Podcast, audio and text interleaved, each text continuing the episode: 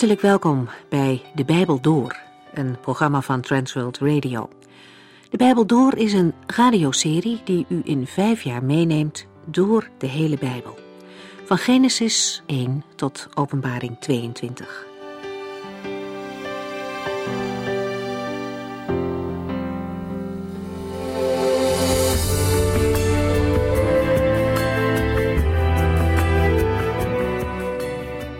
Vandaag zijn we toe aan Matthäus 8, maar we kijken eerst nog even terug naar de vorige aflevering, het slot van de bergreden.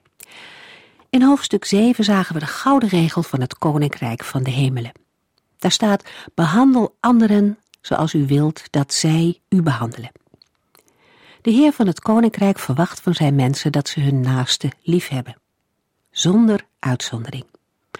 De Bijbel zegt er niet bij dat dat altijd makkelijk is, maar de opdracht blijft. Gelukkig geeft God deze regel niet zomaar.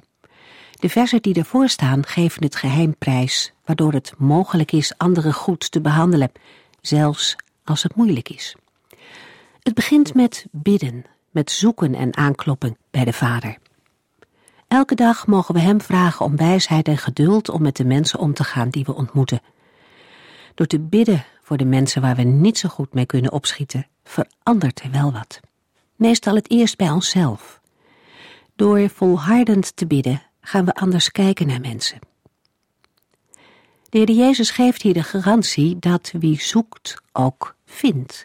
Wie bidt zal antwoord krijgen. En als iemand klopt, dan gaat de deur open. En weliswaar antwoordt God ons wel eens anders dan we zelf zouden willen, maar we kunnen er zeker van zijn dat Hij zich niet vergist. Dan volgen er nog een paar gedeelten waarin het steeds gaat over twee dingen tegenover elkaar. Een brede en een smalle weg. Valse profeten, goede profeten. Een levenshuis met een goed fundament en een met een slecht fundament. Het is het een of het ander. En meer keuzes zijn er eigenlijk niet. Het is voor God of tegen Hem. Een beetje christendom en een beetje van wat anders, daar biedt de Bijbel geen ruimte voor. Het volgen van Christus is een totaalpakket. Hij geeft alles: hulp in het leven, vergeving en eeuwig leven. En hij vraagt ook volledige toewijding van ons.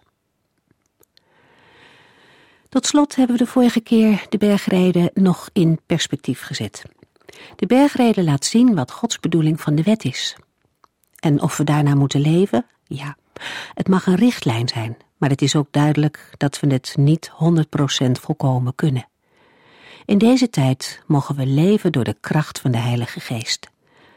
Dat zal vrucht brengen in ons leven. Op het moment dat de koning dan in volle glorie komt en zijn koninkrijk vestigt op de hele aarde, dan zal de bergrede de wet van dat koninkrijk zijn.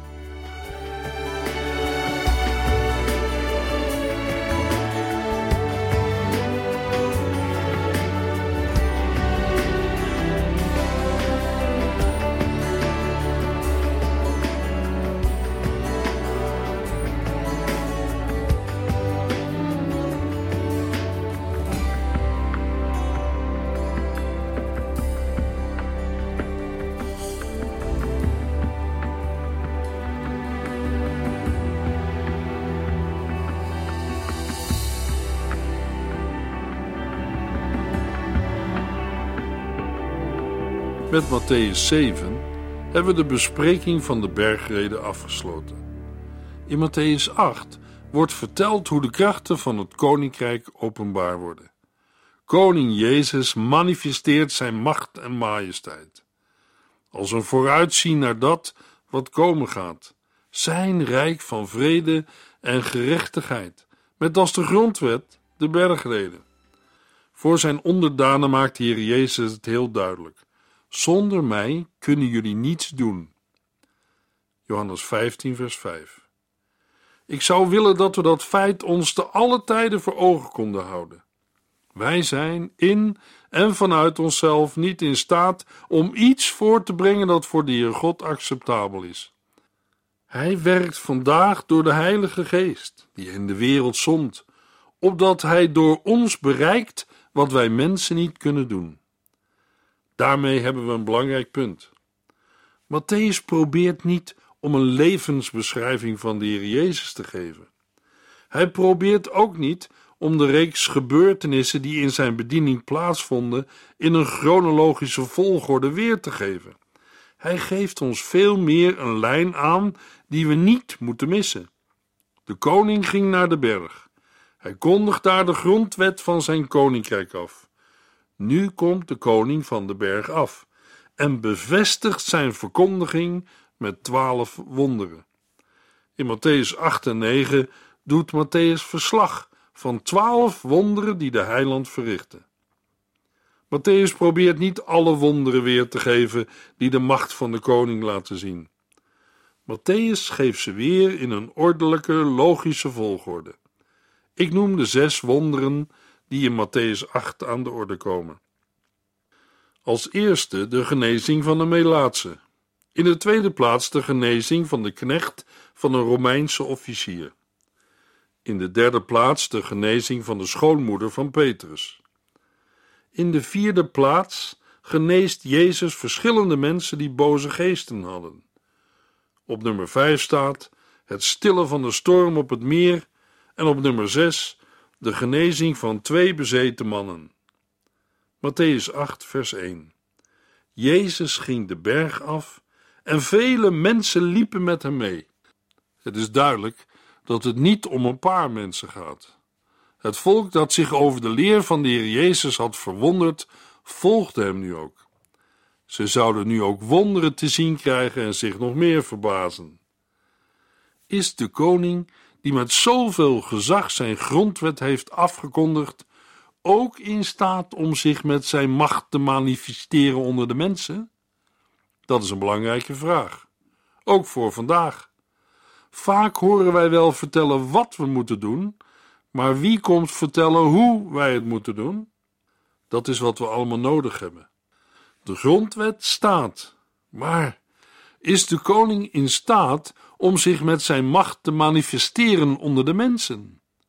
Matthäus 8, vers 2. Er kwam een Melaatse man naar Jezus toe. Die viel voor hem op de knieën, keek naar hem op en zei: Heere, als u het wilt, kunt u mij genezen. Jezus daalde af van de berg en komt bij de grootste ellende terecht: melaatsheid. In de Bijbel symbolisch voor zonde, werd als een ongeneeslijke ziekte beschouwd. Melaatsheid was vreselijk. Toen de melaatse bij de Heer Jezus kwam, vroeg hij niet: Wilt u mij genezen? En ook niet: Bent u in staat om mij te genezen? Deze Melaatse man had vertrouwen. Hij erkende de heerschappij van Christus. En op grond daarvan zei hij: Heere, als u het wilt, kunt u mij genezen. Wat wij vragen is niet altijd de wil van de Heere. Maar als het zijn wil is, kan hij het doen. Het is belangrijk dat de wil van God eerst komt. Dat is niet altijd even gemakkelijk voor een mens. Wij zouden vanuit onze menselijke natuur liever zeggen: Heere, wilt u het doen omdat ik graag wil dat u het doet? Maar dat zegt deze Melaatse man niet. Hij zegt: Ik weet dat u het kunt, maar wilt u het ook? Dat wil zeggen, is het overeenkomstig uw wil?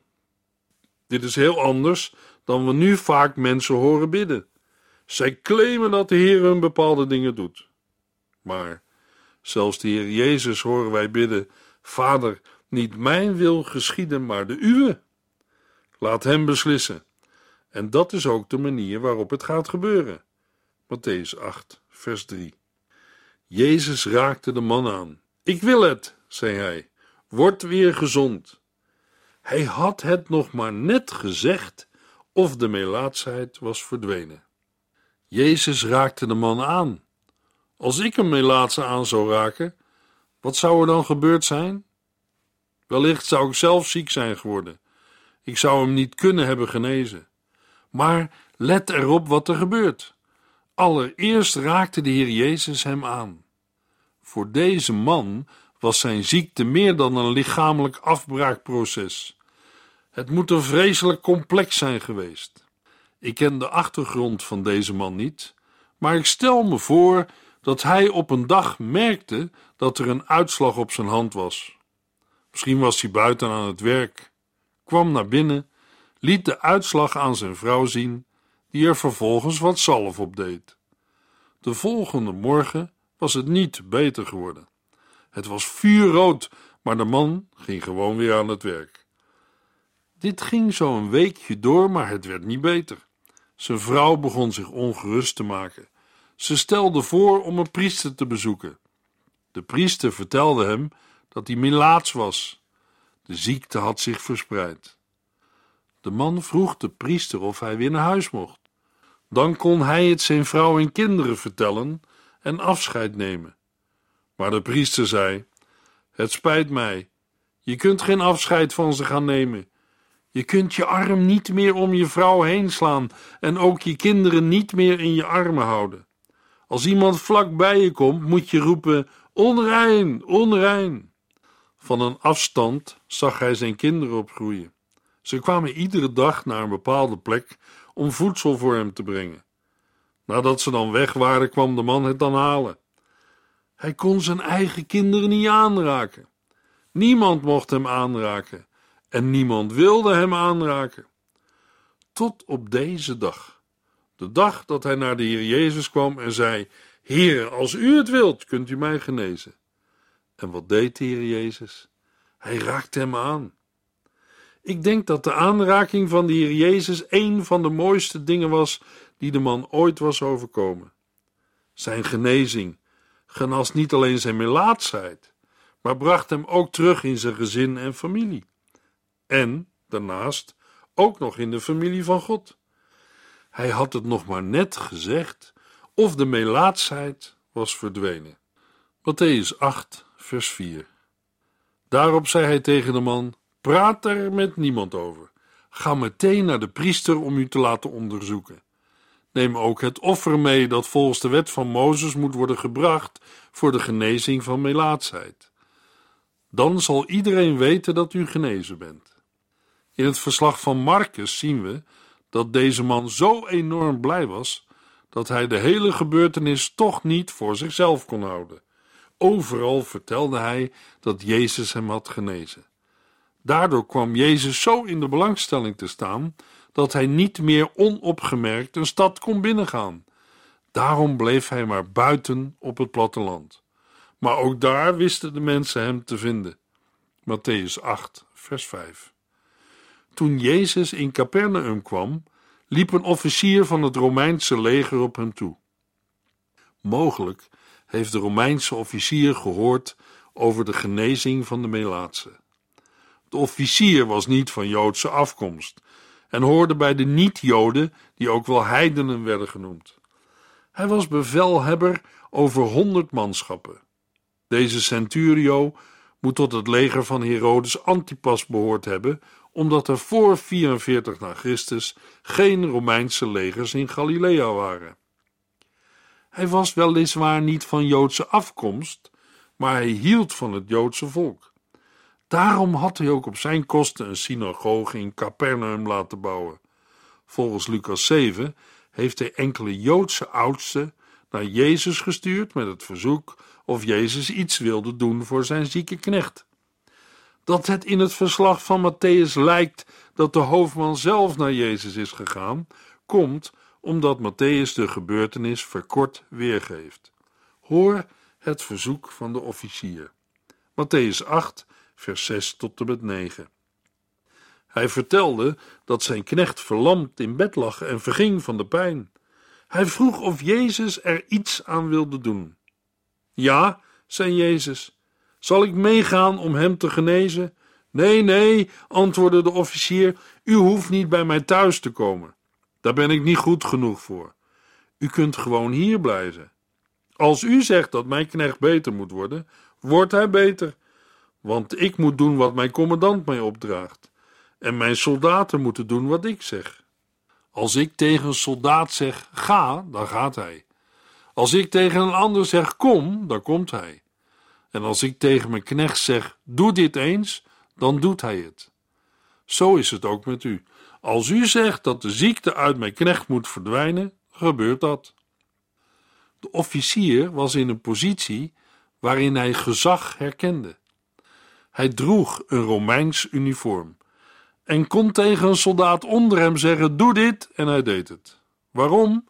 Vanwege zijn gezag.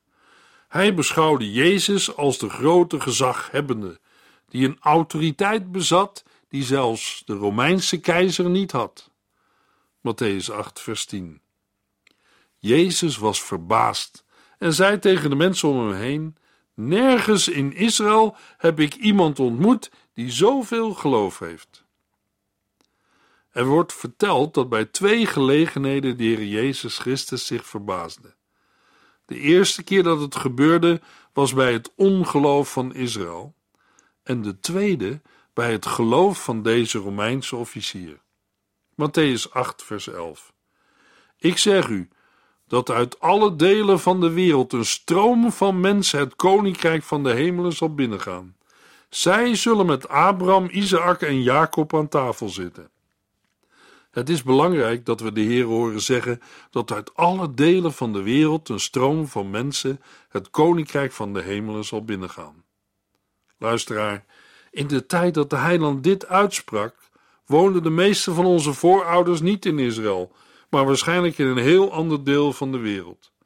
En hier zegt de Heer Jezus dat de boodschap ook bij hen terecht zal komen, opdat ook zij hem vertrouwen en kunnen aanliggen met Abraham en met Isaac en Jacob in het koninkrijk der hemelen.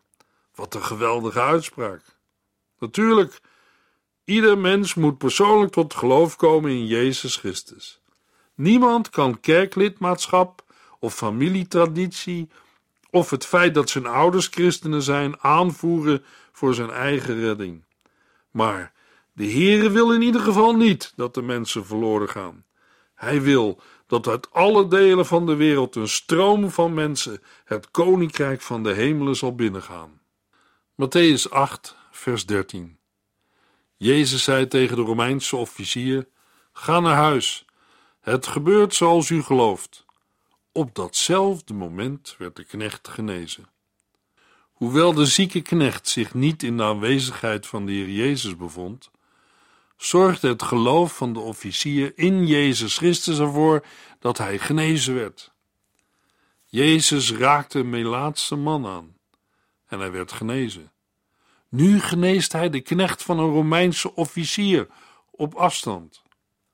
Nu komen we bij het derde genezingswonder. Matthäus 8, vers 14 en 15. Jezus kwam in het huis van Petrus en zag dat Petrus' schoonmoeder met koorts in bed lag. Hij raakte haar hand aan en de koorts verdween. De vrouw stond op en ging voor hem zorgen. De schoonmoeder van Petrus had koorts. Jezus raakte haar aan en genas haar. Let op de drie ziekten die nu zijn gepasseerd. De eerste ziekte was melaatsheid, in die tijd een ongeneeslijke ziekte. De tweede ziekte was een verlamming. De derde ziekte koorts. Het vierde wonder gebeurde in de avond, Matthäus 8, vers 16. S'avonds werden verscheidene mensen bij Jezus gebracht die boze geesten hadden. Hij hoefde maar één woord te spreken en de boze geesten gingen uit de mensen weg. Ieder die ziek was, werd genezen. Uit Lucas 4, vers 31 blijkt dat dit alles op een sabbat is gebeurd. De mensen hebben gewacht tot de zon onderging. Het was niet toegestaan om op de sabbat een last te dragen. Al eerder heb ik aangegeven dat dit hier niet gaat om een paar mensen die werden genezen. Er worden geen aparte gevallen genoemd. Maar als we de verschillende verslagen met elkaar vergelijken, zullen we zien dat Matthäus duidelijk maakt dat Jezus allen genas. Ieder die ziek was, werd genezen. Juist dit feit is de reden dat de vijanden van Jezus nooit hebben betwijfeld of hij wel of niet wonderen heeft verricht. Zijn vijanden vroegen wel steeds in wiens naam hij ze had gedaan. Matthäus 8, vers 17. Daarmee werd werkelijkheid wat de profeet Jezaja had gezegd. Hij heeft onze kwalen op zich genomen en onze ziekten gedragen. Matthäus citeert Jesaja 53 vers 4a. Waarschijnlijk vanuit een eigen Griekse vertaling van de Hebreeuwse tekst. Dat wil zeggen onafhankelijk van de Septuaginta, die het vers heeft vergeestelijkt en laat spreken over zonden in plaats van ziekten. Jesaja 53 spreekt over de leidende knecht des Heren, over de onschuldige, die moet lijden om de schuldigen de vrede te brengen. De shalom, een algeheel welzijn naar geest, ziel en lichaam. Jesaja 53 vers 5. Deze profetie gaat in Jezus in vervulling. Het is een voorsmaak van de toekomende tijd, wanneer de heiland met elke ziekte en zelfs de dood zal afrekenen. De Heer Jezus heeft onze zonden en ziekten weggenomen door ze op zich te nemen in plaatsvervangend lijden en sterven. Maar het was ons leed dat hij droeg. Ons lijden drukte hem neer. Wij dachten dat hij door God geslagen en vernederd was. Hij werd doorstoken en verbrijzeld ter wille van onze zonden. Hij werd zwaar gestraft, zodat wij vrede konden hebben.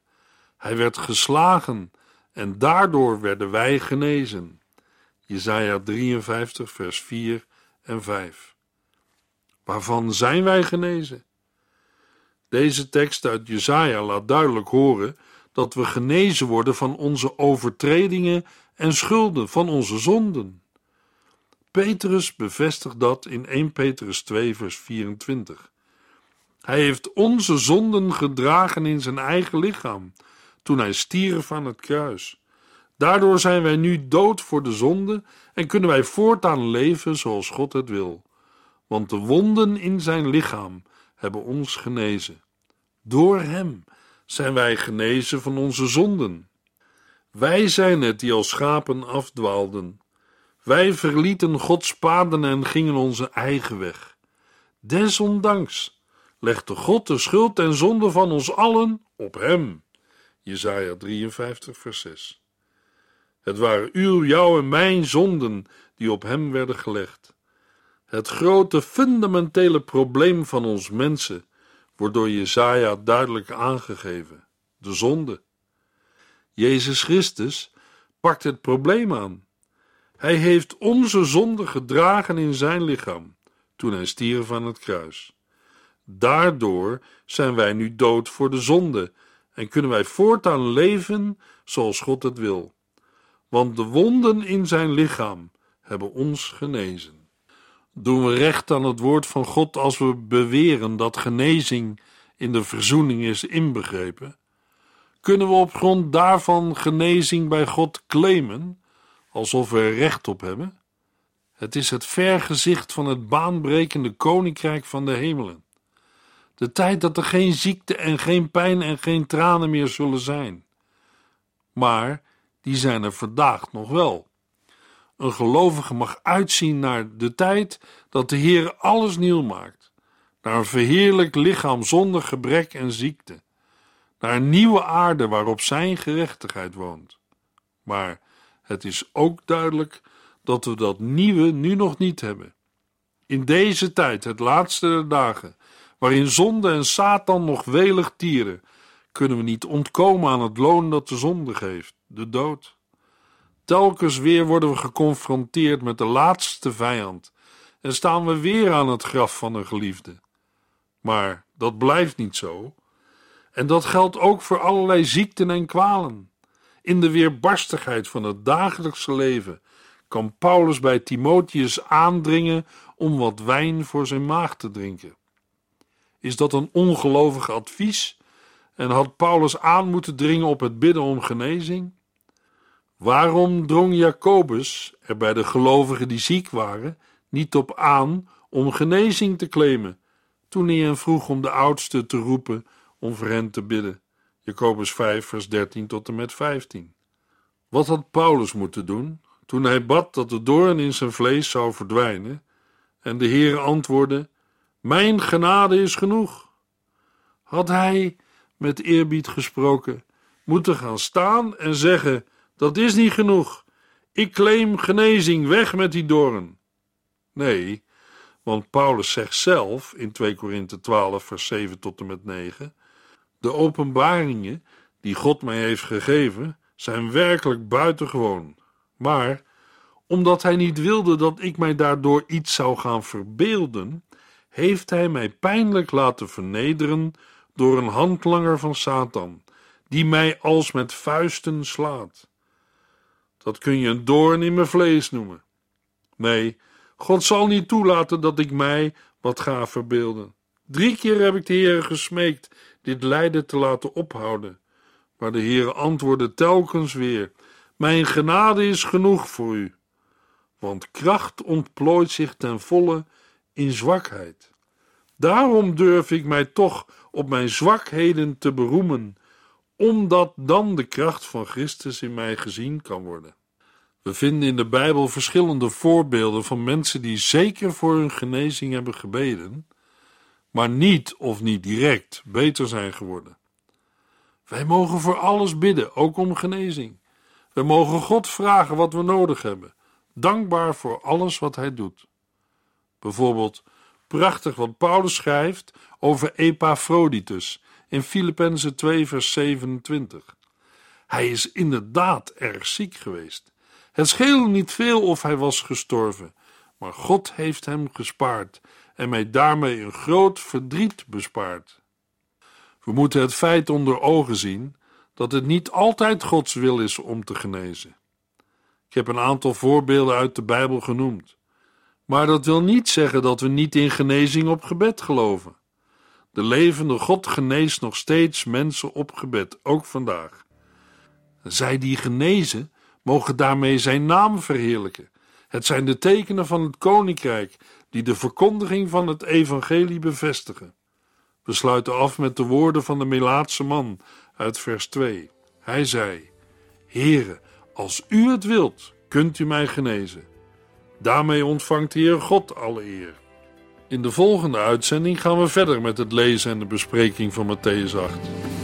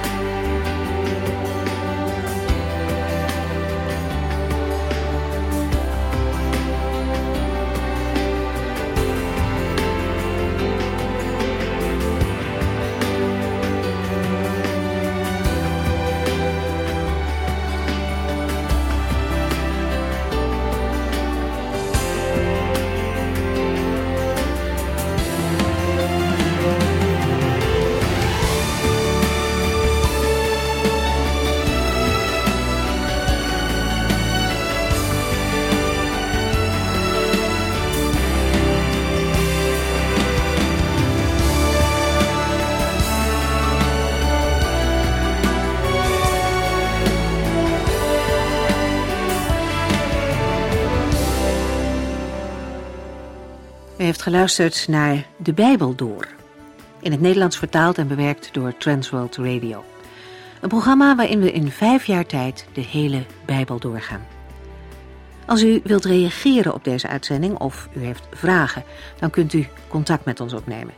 Tijdens kantooruren kunt u bellen op 0342 47 8432. 0342 47 8432. 32.